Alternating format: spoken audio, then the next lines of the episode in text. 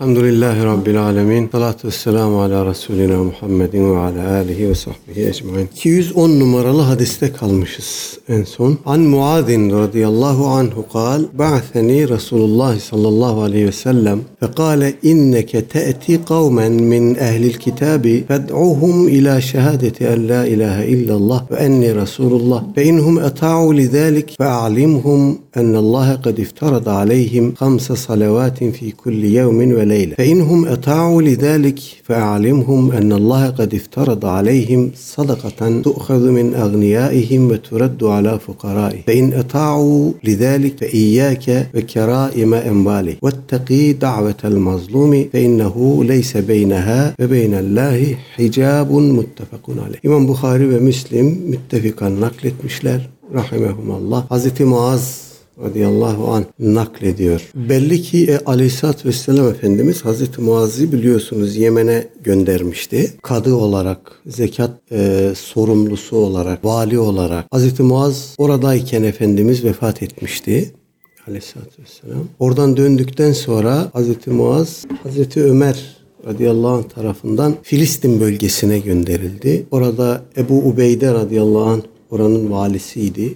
O vefat edince onun yerine Hazreti Muaz'ı gönderdi. O da aynı sene orada çıkan meşhur taunda, vebada şehit oldu. Enteresan bir hadise nakleder kaynaklar. Oradaki bu meşhur taun veba hastalığı çıkınca Amr İbnül As radıyallahu anh diyor ki bu veba diyor ateşe benzer. Onun bulunduğu yere yaklaşmamak lazım. Hz. Muaz enteresan bir tepki gösteriyor. Diyor ki ben aleyhissalatü vesselam Efendimiz'i dinledim. Taun benim ümmetim için rahmettir buyur. Senin sözünün benim için hiçbir anlamı yok. Ben burada kalacağım. Orada kaldı ve oğluyla birlikte ikisi de aynı taun hastalığında şehit oldular. Dua etti hatta ya Rabbi Muaz'ı da Muaz'ın ailesini de bu rahmetin içine al diye orada şehit oldular. Enteresan bir şeydir. Hastalık rahmet olur mu? Modern dünya hastalığı ortadan kaldırmak için mücadele ediyor. Bunu biz çok iyi de anlıyoruz efendim. Aleyhisselatü Vesselam Efendimiz Allah'ın kulları tedavi olun buyurmuş hastalığın tedavisini önermiş. Tıbbı nebevi diye bir şey var. Ama aynı zamanda veba hastalığından ölenin de şehit olduğunu söylemiş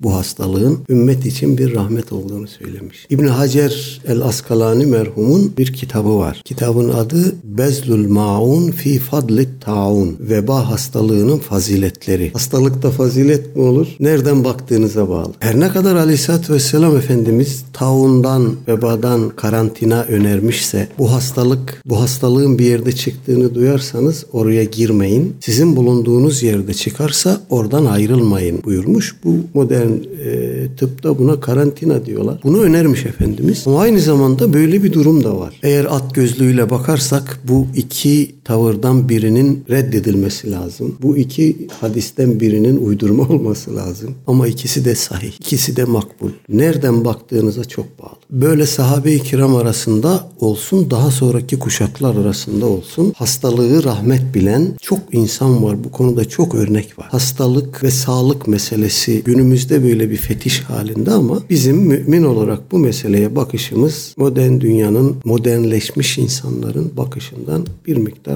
farklı. Biz hastalığın da müminin başına gelen en küçük bir musibetin de onun bağışlanmasına vesile olduğunu biliyoruz. Daha önce burada ilgili hadisleri okuduk. Müminin eline batan bir diken bile onun günahlarının bağışlanmasına vesile olur. Hazreti Ebu Bekir radıyallahu anh şurada notlarımda var oradan bakarak okuyayım. Hastalandığında yanına gidip gelenler oluyormuş. Geçmiş olsuna vesaireye. Doktora göründün mü? Tabip gördü mü? Ne dedi? diye soranlara evet göründüm dermiş. Doktor ne dedi? diye sorunca da inni faalun lima urid dedi diyerek karşılık verirmiş. Ben dilediğimi yapanım. Yani doktordan kasıt Cenab-ı Hak ben ona havale ettim diyor. O ben dilediğimi yapanım dedi bana. İşin bir böyle bir yanı var. Bir de tedavi yanı var. Bu tedavi meselesi de efendim iki türlü. Birisi bildiğimiz ilaç tedavisi. O dönemde işte bizim bugün koca karı tıbbı dediğimiz ya da işte lokman hekimler dediğimiz e, metotla efendim tedavi otlarla, köklerle vesaireyle bir de Kur'an okuyarak tedavi. Bunu da modernlerimiz çok burun kıvırarak karşılıyorlar. Kur'an okuyarak tedavi olur mu? Kur'an okuyarak tedavi olur. İmam Ahmet bin Hanbel rahimahullah naklediyor. Aleyhisselatü Vesselam Efendimiz döneminde hayvan sokmasından zehirlenmeler olurmuş. Onlar Efendimiz'e gelirmiş. Efendimiz onları Kur'an okuyarak tedavi edermiş. Burada bize bir tavsiyesi de var Efendimizin. Euzu bi kelimatillahi tammati min şerri ma halak diye dua eden kimseyi akrep sokmaz buyurmuş efendim. Böyle bir e,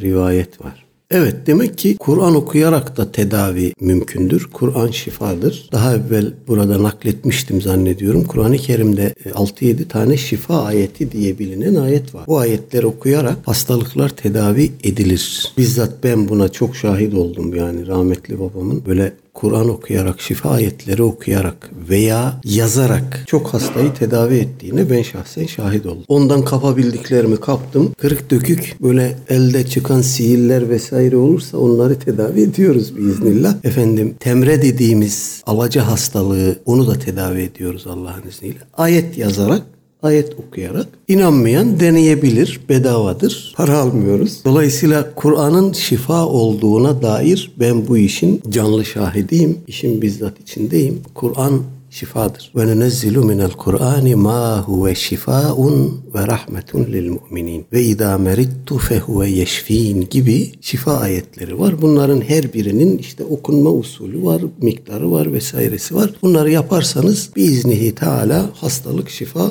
buluyor. Ee, doktora gitmeyin demiyoruz tabi. Doktora gidin. Şimdi do- tabipler odası hakkımızda dava açmasın. Bu ülkede her alanın bir sahibi var. Hababetin de bir sahibi var. Olmalıdır. Ama böyle bir vakada var. Yani ameliyatla o sihirleri mesela e, yok edebiliyorlar. E, onu oradan kökünden sökerek alıyorlar, yok edebiliyorlar. Bu mümkün. Ama ameliyatsız da mümkün. Yani bunu uzak doğulu biri yaptığında veya bir Rus biyoenerjiyle yaptığında ona bir şey demiyorlar. Ama siz Kur'an okuduğunuzda efendim e, bir takım çevreler ayaklanıyor. E, e, zaten hocaların başına gelmedik kalmadı bu e, süreçte. Allah Teala bizi onların şerrinden korusun. Hazreti Muaz'dan bahsediyorduk radıyallahu anh. Efendimiz Aleyhisselatü Vesselam Yemen coğrafyasını beşe bölmüş. Beş idari parçaya ayırmış. Her birine bir sahabi görevlendirmiş. Hazreti Muaz'ı da Cennet bölgesine göndermiş.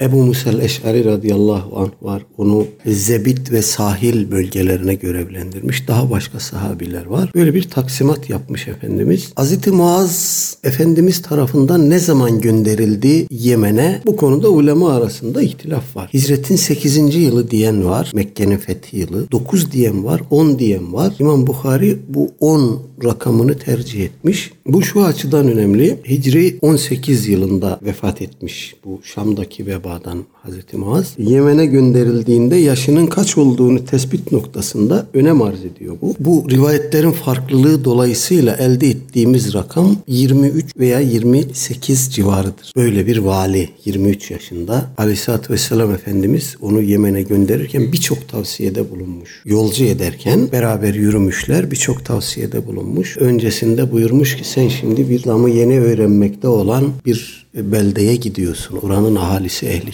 kitaptır efendim. Zaten hadisimizde de o tavsiyeler var. Ne ile hükmedeceksin? Sana bir dava getirildiğinde nasıl hüküm vereceksin? Diyor ki Allah'ın kitabıyla hüküm vereceksin. Aradığın meselenin hükmünü orada bulamazsan o zaman diyor Resulünün sünnetiyle hüküm vereceğim. Orada da bulamazsan o zaman diyor istihat ederim işin peşini bırakma. O zaman Efendimiz göğsüne vuruyor Hazreti Muaz'ın. Diyor ki Allah Resulü'nün elçisini Allah Resulü'nün razı olduğu şeye muvaffak kılan Allah'a hamdol. Bu bizim istihat, re ile istihat bahsinde usulü fıkıh kitaplarımızda temel aldığımız delillerden birisidir. Bunu Hazreti Muaz'dan arkadaşlarından bir grup nakletmiş. Re ile istihattan hoşlanmayan bir ekip, bir ekol var İslam tarihi boyunca. Ehli hadisin bir kesimi özellikle zahiriler, başta İbni Hazım bu hadisi tazif ederler. Hazreti Muaz'ın arkadaşları kimdir? Biz bunu tanımıyoruz. Bunlar kimdir? Dolayısıyla tanımadığımız adamlar onlardan gelen rivayeti kabul etmeyiz diyerek reddetmiş. Bugün bir kısım kendisine selefi diyenler de bunu bu şekilde reddediyorlar. Fakat Hazreti Muaz'ın arkadaşları dediğinizde aziz bir sahabinin talebeleri, hemhalleri, haldaşları, arkadaşları akla geliyor. Yani bana arkadaşını söyle sana kim olduğunu söyleyeyim diye bir söz var bizde. Hazreti Muaz'ın arkadaşlarını biz tanımasak bile onlar hiç şüphesiz ona layık arkadaşlardır. Onun arkadaşlığına, sohbetine layık insanlardır. Dolayısıyla bu rivayete ilişmeye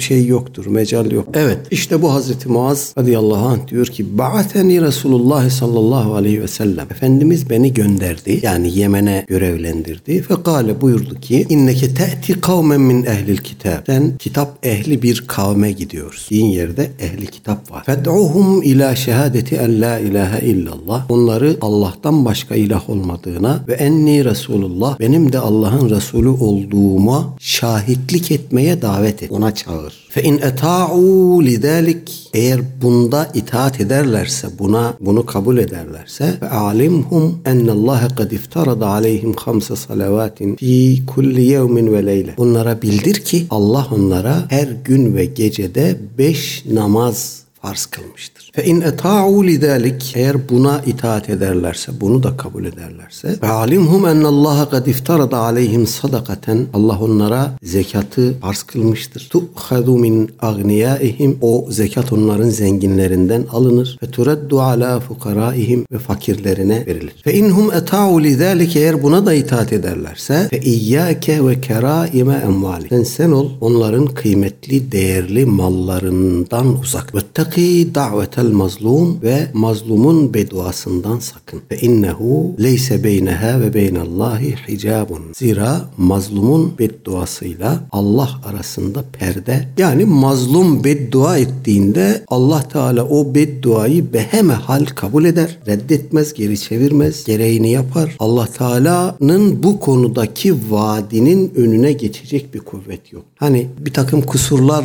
olur hasbel beşer insandan sadır olur. Ondan sonra onları telafi edecek. Onların etkisini, vebalini, günahını e, ve onlar dolayısıyla e, vaki olan buğzu ilahiyi hasenat işleyerek onların arkasından salih amel işleyerek telafi etmek mümkündür. Ama bir mazlum beddua ettiğinde onun telafisi yok. O yüzden diyor ki Aleyhisselatü Vesselam Efendimiz mazlumun bedduasıyla Allah Teala arasında perde yok. Doğrudan doğruya hedefini bulur, adresini bulur ve o da gereğini yap. Bu hadiste arkadaşlar dikkatimizi çeken bir şey var. Mazlumun bedduasının tehlikesine Cenab-ı, Cenab-ı Peygamber dikkatimizi çekiyor. Mazlumun bedduasından sakınmak. Bu şunu anlatıyor bize. Bizim zulmümüze maruz kalmış bir mazlumun bize bedduası. Yoksa birisi başka birine zulmetmiş. O mazlum bize beddua etse bu bu kapsama girmez. Veya bedduasını umum yapsa, herkesi bu bedduanın içine dahil etse sadece kendisine zulmetmiş olan kimse bedduanın e, sonucu, neticesi ona raci olur.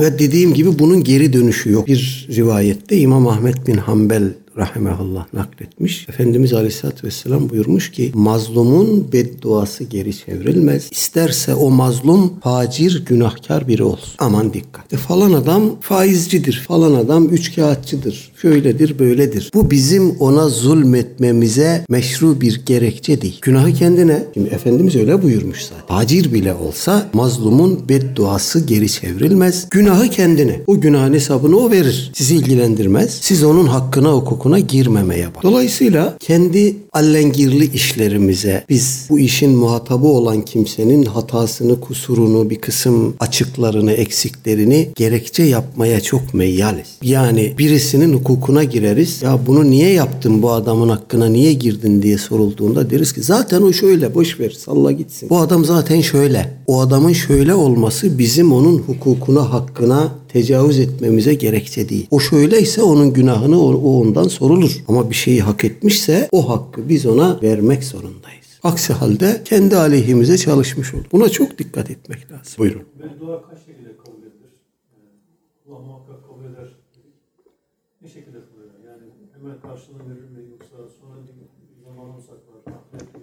Dua içinde ve dua içinde tek bir şey yok. Allah Teala'nın muradına, iradesine, dilemesine bağlıdır. Dilerse hemen anında talep edilen şeyi verir. Dilerse ahirete saklar, daha güzeliyle vererek razı eder. Dilerse daha kötüsünü yapmak üzere faile bir süre tanır. Mühlet verir. Ama mutlak surette bir icabeti vardır. Ud'uni estecib lekum buyurulmasındaki hikmet de budur Allahu alem. Cenab-ı Hak bana dua edin, duanızı kabul edeyim buyurmuyor. Duanıza karşılık vereyim, icabet edeyim. Bu karşılık birebir talep edilen şey de olur. Ahirete saklanır, ahirette daha güzeliyle olur. Ya da faile mühlet verilir, daha beteriyle olur. Cenab-ı Hakk'ın dilemesine, iradesine bağlı.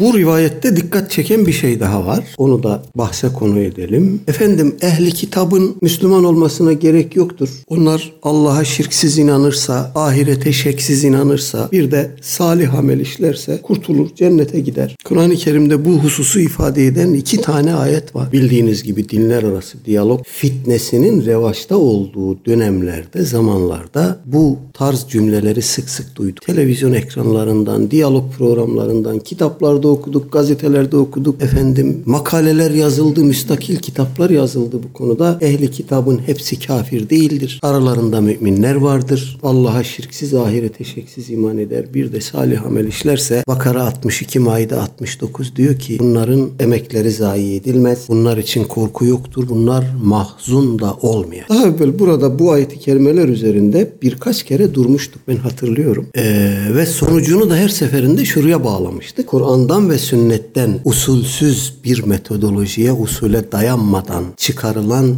hükmün Cenab-ı Hakk'ın rızasına, Efendimizin iradesine uygun olduğunun garantisi yoktur. Bu başlı başına bir handikap. Usulsüz, bilgisiz ayete hadise anlam verilmez. O yüzden Efendimiz buyurmuş ki kim Kur'an'a kendi reyiyle anlam verirse, Kur'an'ı bu şekilde tefsir ederse, isabet etse bile hata etmiş. Doğruya isabet etse bile bir ayeti tefsir ederken Cenab-ı Hakk'ın muradına uygun tefsir etse bile o kişi günahkardır. Neden? Çünkü bilgisizce, cahilce yaptı bunu. Böyle bir şeye yetkisi yoktu. Başka bir varyantında bu hadisin cehennemdeki yerine hazır olsun. Şimdi bakın bu iki ayetten ve bu muhtevadaki başka bir kısım ayetlerden hareketle bu ülkede imanla küfür birbirine karıştırıldı. Tevhidle şirk, hakla batıl birbirine karıştırıldı. Hakikat buharlaştı. Ehli kitabın Müslüman olmasına gerek yok. Bunu nereden çıkarıyorsunuz kardeşim? Allah bir şeyi eksik söyledi de siz mi tamamlıyorsunuz filan gibi böyle tepemize tepemize de vurarak bir takım sonuçlar çıkarttılar buradan. Ama bakın Aleyhisselatü Vesselam Efendimiz ehli kitaba nasıl e, davet edileceğini öğretiyor burada. Onlar Allah'a iman ederse, ahirete iman ederse bırak üstlerine gitme değil. Onları evvela imana çağır. O iman la ilahe illallah Muhammedur Resulullah ile olur. Başka türlü olmaz. Böyle derse bir kimse hemen arkasından bunun icabatı gelir. Beş vakit namaz. Bunu da kabul ederse zekat enteresan bir şekilde hadisimiz burada bitiyor. Namaz var, zekat var, oruç ve hac yok. İlginçtir. Niye böyledir acaba diye ulemamız epeyce bir muhakeme etmişler. Bir kısmı demiş ki aslında burada İslam'ın diğer şartları da vardı muhtemelen ama bir ravi tasarrufu sonucu onlar zikredilmedi. Bunu söyleyen de meşhur usul hadisin temel kaynaklarından birini yazan İbn Salah'tır. Büyük bir muhaddis, büyük bir usulcü, kendisi Şafii'dir. Ama böyle dedi diye bayağı bir hırpalamış ulema onu. Demişler delilsiz, dayanaksız burada ravi tasarrufu vardır dersen raviler böyle kafalarına göre hadiste kırpıyorlar, kesiyorlar filan dersen bu diğer hadislere de teşmil edilir. Bunun altından kalkamazsın. Bu doğru bir şey değil. Delilin varsa söyle. Delilin yoksa tahmin üzere burada bir ravi oyunu vardır, ravi tasarrufu vardır deme demişler ki son derece isabetli. Peki bunu nasıl izah edeceğiz? Bir kısımları demiş ki efendim Hz. Muaz Yemen'e giderken henüz oruç ve hac farz kılınmamıştı. Buna da şiddetle ve haklı biçimde itiraz edilmiş. Demişler ki oruç hicretin ikinci senesi farz kılındı. Hz. Muaz'ın e, Yemen'e gönderildiği zaman hac farz kılınmıştı. Bunlar farzdı. Dolayısıyla bu bilinen bir şey. Bu da çözüm değil. Bunu nasıl çözeceğiz? Efendim ulema şöyle bir muazzam müthiş bir tespitte bulunmuş. Demişler ki İslam'ın şartları, rükünleri, esasları sayılırken bunların beşi de sayıl sayılmıştır da. Aleyhisselatü Vesselam Efendimiz buyurmuş Büniyel İslamu ala hamsin şehadeti en la ilahe illallah ila ahir. İslam beş şey üzere bina edilmiştir. İşte biz buna savun, salat, hac, zekat, kelime-i şehadet diye çocuklara ezberletiyoruz Sıbyan mekteplerinde. Bu beşini de saymış Efendimiz burada. Ama birisini İslam'a davet ederken bu beşinin tamamı sayılmaz demişti. Sadece namaz ve zekat sayılır. Bir de kelime-i şehadet sayılır. Bunlar İslam'a bu şekilde geldikten sonra arkası gelir demişler. İlk etapta bunlar söylenir. Burada şöyle bir tasnifte de bulunmuşlar. Bu e, ibadetlerden birisi namaz mahza bedeni bir ibadet. Zekat mahza mali bir ibadet. Diğer ibadetler oruç ve hac bir kimse kendi yerine başkasını vekil tayin etse veya hasta olsa fidye verse kişiden sakıt olur. Ama namaz ve zekat bir şekilde mükelleften sakıt olmaz. Ağır hasta bile olsa şuuru açık olduğu sürece gerekirse gözleriyle efendim ima ile namaz kılacak. Zekat üzerine farz olduktan sonra ne yapıp edip o farzı eda edecek. Fevren ya da değil. Hemen anında ya da değil. O onun üzerine bir kere tahakkuk etmiştir. O borcu ödeyecek. Dolayısıyla bu ikisi diğerlerine göre biraz daha temel bir özellik arz ediyor. Demişler ki bu istihraca, bu çıkarıma Kur'an'dan ve sünnetten deliller de getirmişler. Mesela meşhur Tevbe suresinde e, müşriklerle mukatele, onları bütün geçitlerini tutun, gördüğünüz yerde öldürün. Batılılar bunları bugün gözümüze sokuyor ya. Müslümanların kitaplarında şiddet var, terör var. Gayrimüslimleri gördüğünüz yerde öldürün diye. O ayetler müşriklere hitap ediyor oysa. O müşriklerle Efendimiz Aleyhisselatü Vesselam ve ashab-ı kiram arasında öncesi olan evveliyattan beri devran edip gelen bir çatışma süreci var. O çatışma süreci içerisinde nihai noktayı Tevbe suresinin ayetleri koyuyor ve artık bundan sonra onlara af yok. Tuttuğunuz yerde onları öldürün buyuruluyor. Fakat enteresandır. Bu emri veren Tevbe suresinin iki ayrı ayetinde 5 ve 11 yanlış hatırlamıyorsam bu şeye istisna getiriliyor. Şöyle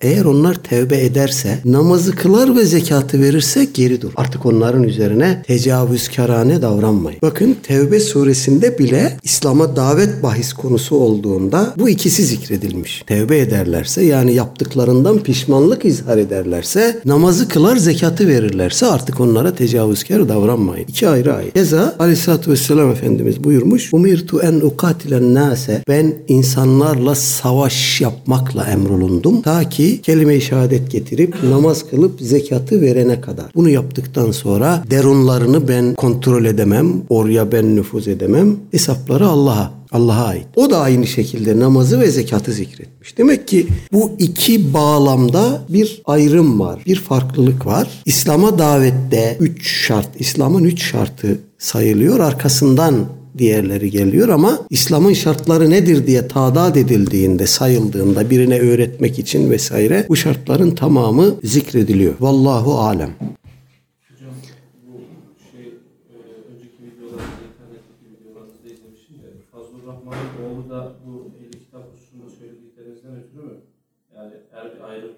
Kitap Tabi tabi tabi ondan. bölmemiz.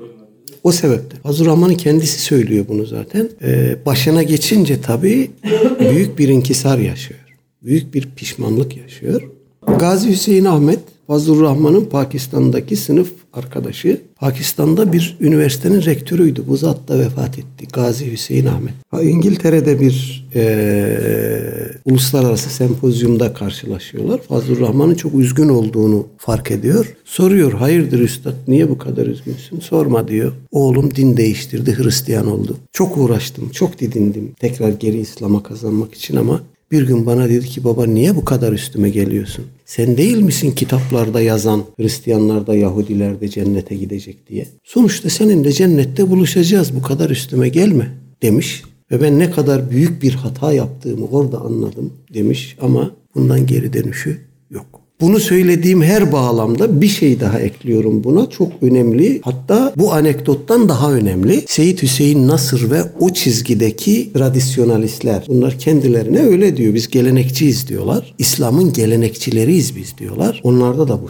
Bizzat Seyit Hüseyin Nasır'ın kendi kitaplarında kayıtlıdır bu. Ee, hakikat kimsenin tek elinde değildir. Mutlak hakikat diye bir şey yoktur. İzafi mutlaklık vardır. İzafi mutlaklık da dinden dine, mezhepten mezhebe, görüşten görüşe, inançtan inanca değişen mutlaklıkları ifade eder. Dolayısıyla bir Budist efendim Buda'ya Buda'nın önünde, Buda heykelinin önünde secde ederken, bir Brahmanist kendi inancına göre ibadetini, ritüelini yaparken, bir Hindu kendi inancına göre bunların hepsinin hakikate götüren yollar olduğunu söylüyor. Hakikatin herhangi bir dinin veya inanç sisteminin tekelinde olmadığını söylüyor. Hocam bu Efendimiz Aleyhisselatü Vesselam'ın Hazreti Muaz'a yapmış olduğu onların değerli mallarından uzak dur. Oraya geliyorduk zaten. Zekatı tarif ederken aleyhissalatü vesselam Efendimiz zekat onların zenginlerinden alınıp fakirlerine verilir buyuruyor. E ama biz biliyoruz ki zekat sadece fakirlere verilmez. Zekatın kime verileceğini, kimlere dağıtılacağını zekat gelirlerinin Tevbe suresinin 60. ayeti hükme bağlıyor biliyorsunuz. Orada 8 sınıf sayılıyor. Efendim bunların her birine zekat verilir. Ama Allahu alem hani yukarıda niye oruç ve hac yok demiştik ya orada bir ihtisar var. Bir kısa anlatım var. Burada da sanki böyle bir ihtisar var. Zekat evvela fakirlere verilir. Allahu alem böyle olduğu için de o Tevbe suresinin 60. ayetinde önce fakirler zikredilmiş. İnnemes sadakatu lil fukarai vel mesakini diye devam ediyor. Sadakalar, zekatlar sadece fakirlerin, miskinlerin ve devam ediyor. İşte orada 8 sınıf var. Zekat amilleri var, borçlular var vesaire var. Allahu alem bu sebepledir. Orada sadece fakirlerin zikredilmesi zekat sadece fakirlere verilir anlamı ifade etmez. Bir husus daha var. Aleyhisselatü Vesselam Efendimiz mazlumun bedduasından sakın buyurmuş. Burada mazlumu umum olarak zikret. Şöyle mazlum, böyle mazlum, zulmün şu çeşidine maruz kalan, bu çeşidine maruz kalan diye bir tahsis, bir tayin, bir takyit yapmamış. Mazlumiyeti mutlak olarak zikretmiş. Buradan da anlıyoruz ki her ne suretle olursa olsun, zulmün hangi çeşidine olursa olsun maruz kalan kişi mazlum. Ve bunun bedduasından sakınmak lazım. Esasen onun zulme maruz kalmasına fırsat vermemek. Müslümanın görevi esasen bu. Aleyhisselatü Vesselam Efendimiz buyurmuş ya, zalim de olsa, mazlum da olsa kardeşine yardım et. Sahabe-i kiram sormuş ya Allah'ın Resulü. Mazluma yardımı anladık da zalime nasıl yardım edeceğiz? Zulmüne mani olan. Bir zalimin zulmünü engellediğiniz zaman ona yardım ediyorsunuz. Ona kıyak yapıyorsunuz. Müslümanın misyonunun nerelere kadar sarktığını, hangi derununa gittiğini, hangi boyutlara indiğini buradan görebiliyoruz. Ya bu benim bileceğimmiş arkadaş seni ilgilendirmez. Ahirette yanacaksan ben yanarım. Hayır ben gücüm yetiyorsa buna mani olmakla mükellefim. Bir zulüm varsa o zulüm evvela niye oldu? Ben orada olduğum halde niye burada bu zulüm oldu? Bunun hesabı benden sorulur diye düşünmek. İşte o men ra'a minkum münkeren fel yugayyirhu bi yedihi diye başlayıp devam eden hadiste de bu böyle bir espri saklı. Elbette zulüm münkerdir bütün münkerler zulümdür demiyoruz ama zulüm de bir münkerdir. Dolayısıyla izale edilmelidir. Neyle? Ne, ne, ne şekilde gücümüz o izaleye yetiyorsa onunla. Gücümüz yetiyorsa elimizle, yetmiyorsa dilimizle, konuşarak, yazarak, ikaz ederek, vaaz ederek, sohbet ederek, hadis derslerini vesile edinerek bu münkeri ortadan kaldırmak zorundayız. Ben buradan açık ve net söylüyorum. Geçen gün televizyonda gene rastladım. Gene böyle içime ılık ılık bir şeyler aktı. Kadına şiddetin yasaklandığını anlatan bir tanıtım fragman diyelim ona biz. Televizyonlarda dönüyor bu. İzlemişsinizdir adamın biri eve giriyor, karısına bağırıyor, çağırıyor, eşyaları kırıyor bilmem ne falan filan. Ne olursa olsun, kim olursa olsun kadına şiddetin gerekçesi olamaz, mazereti olamaz. Kadına şiddetin sonu hapistir diyor. Güzel. Bir zulme mani olmak bizim en temel vazifemiz. Müminin en temel vazifesi. Ama bir zulme mani olacağız diye sakın başka bir zulme kapı aralamayalım. Kadınlar zulme maruz kalmasın. Bunun tedbirini alırken erkeklere zulmediyor olmayalım. Bunun sınırını kim tayin edecek? Bunun sınırını adalet ve zulüm kavramlarını tarif eden vahiy ve vahye dayalı din, İslam tarif edecek. Bunun tarifi buradadır. Baştan bu derse başlarken zulüm ve adalet üzerine bir kısa mukaddime yapmıştık. Hatırlayacaksınız. Zulüm bir şeyin olması gereken yerde olmamasıdır. Haddini aşmasıdır, miktarını aşmasıdır, istihap haddini aşmasıdır, sınırlarını taşmasıdır. Herhangi bir şey bir sınır içerisinde kalması gereken herhangi bir şey o sınırı tecavüz edip geçiyorsa orada zulüm var. Şimdi siz bir aile ortamında karı koca kavgası oldu. Ya hepimizin başındaki iş bu. Yani ben evde eşimle hiç kavga etmedim, hiç münakaşa etmedim, tartışmadım diyen parmak kaldırsın. Hani adamın biri bilirsiniz. Bilirsiniz anlatmayayım. Böyle biri yok. Hepimiz insanız. Hepimizin eksiği var, noksanı var. Hepimizin zayıf yanları var, kuvvetli yanları var. Sabrının sınırı var. Kadın da olsa, erkek de olsa böyle. Münakaşasız, tartışmasız bir evlilik olsa idi, böyle bir şey mümkün olsa idi Aleyhisselatü Vesselam Efendimizin evlerinde olur. Onun evlerinde bile olmamış. Dolayısıyla bu insani bir şey. Evliliğin olmazsa olmaz bir parçası bu. Karı koca tartışması. Tavsiye edilmez. Bazı insanlar der ki bunlar evliliğin tuzu biberidir. Ben buna çok katılmıyorum. Her tartışma şahsen kendi tecrübemi söylüyorum. Ben de çok olumsuz şeylere yol açıyor. İstemiyorum olsun tartışma ama tartışıyorsunuz işte. İnsansınız, beşersiniz. E böyle bir tartışma olduğunda kadının beyanını neye dayanarak esas alıyorsunuz? Ya kadını o erkeği tahrik ettiyse, burasına kadar getirdiyse burada bir zulüm var demektir. Neden kadının beyanı esas da erkeğin beyanı esas değil? Çünkü erkek zulmeden taraf. Kadının zulmetmediğine dair, etmeyeceğine dair elinizde bir garanti mi var? Kadınlardan böyle bir garanti mi aldınız? Biz zulmetmeyeceğiz. Biz eşlerimize, kocalarımıza zulmetmeyeceğiz diye garanti mi aldınız? Alamazsınız ki. Ne erkekten ne kadından böyle bir garanti alamazsınız. O halde bu mesele de bir zulme engel olacağım diye başka bir zulme kapı açmayalım. Allah rızası için. Bu İstanbul Sözleşmesi'ydi bilmem neydi. Aileler, aileler dağılıyor. Kadını koruyalım ama kadını korumanın yolu aileyi riske atmak değil ki. Niye boşanmalar artıyor habire? İstatistikleri okuduğumuzda inanın yani ben bundan 10 sene sonra, 20 sene sonra, 50 sene sonra bu toplum ne nereye gidecek diye ürküyorum, düşünmeye korkuyorum. Boşanmalar gittikçe artıyor, evlilikler azalıyor. Yani ne olacak bunun sonu? Avrupa'daki gibi olacak. Evlilik dışı beraberlikler efendim e, en küçük bir problemde tak sepeti koluna herkes kendi yoluna iyi de bizim inancımız, bizim genetik yapımız, bizim tarihi misyonumuz, bizim imanımız, kimliğimiz böyle bir şeye izin vermiyor ki. Biz evlendiğimizde bütün oluyoruz. Bu kadar önemli bir şey. E öyleyse bu evliliği, bu aileyi yaşatmanın yoluna bakalım. E bu, bu evliliği dağıtmak çok kolay. Hatta bugün artık bunun istismarları da oldu biliyorsunuz. Efendim sırf birilerini dolandırmak için düzmece evlilikler yapan profesyonel kadınlar türedi. Böyle bir sınıf türedi. Efendim zengin safterun birini gözüne kestiriyor. Onunla evleniyor. O gece efendim kocam bana şiddet uyguladı diye adamı alıp götürüyorlar. Kadın oradan yükünü tutup işine bakıyor. O günahtır. Günahtır. Gayret-i ilahiyeye dokunur. Gayret-i ilahiyeye dokunursa mazlumun bedduasıyla Allah arasında perde yoktur.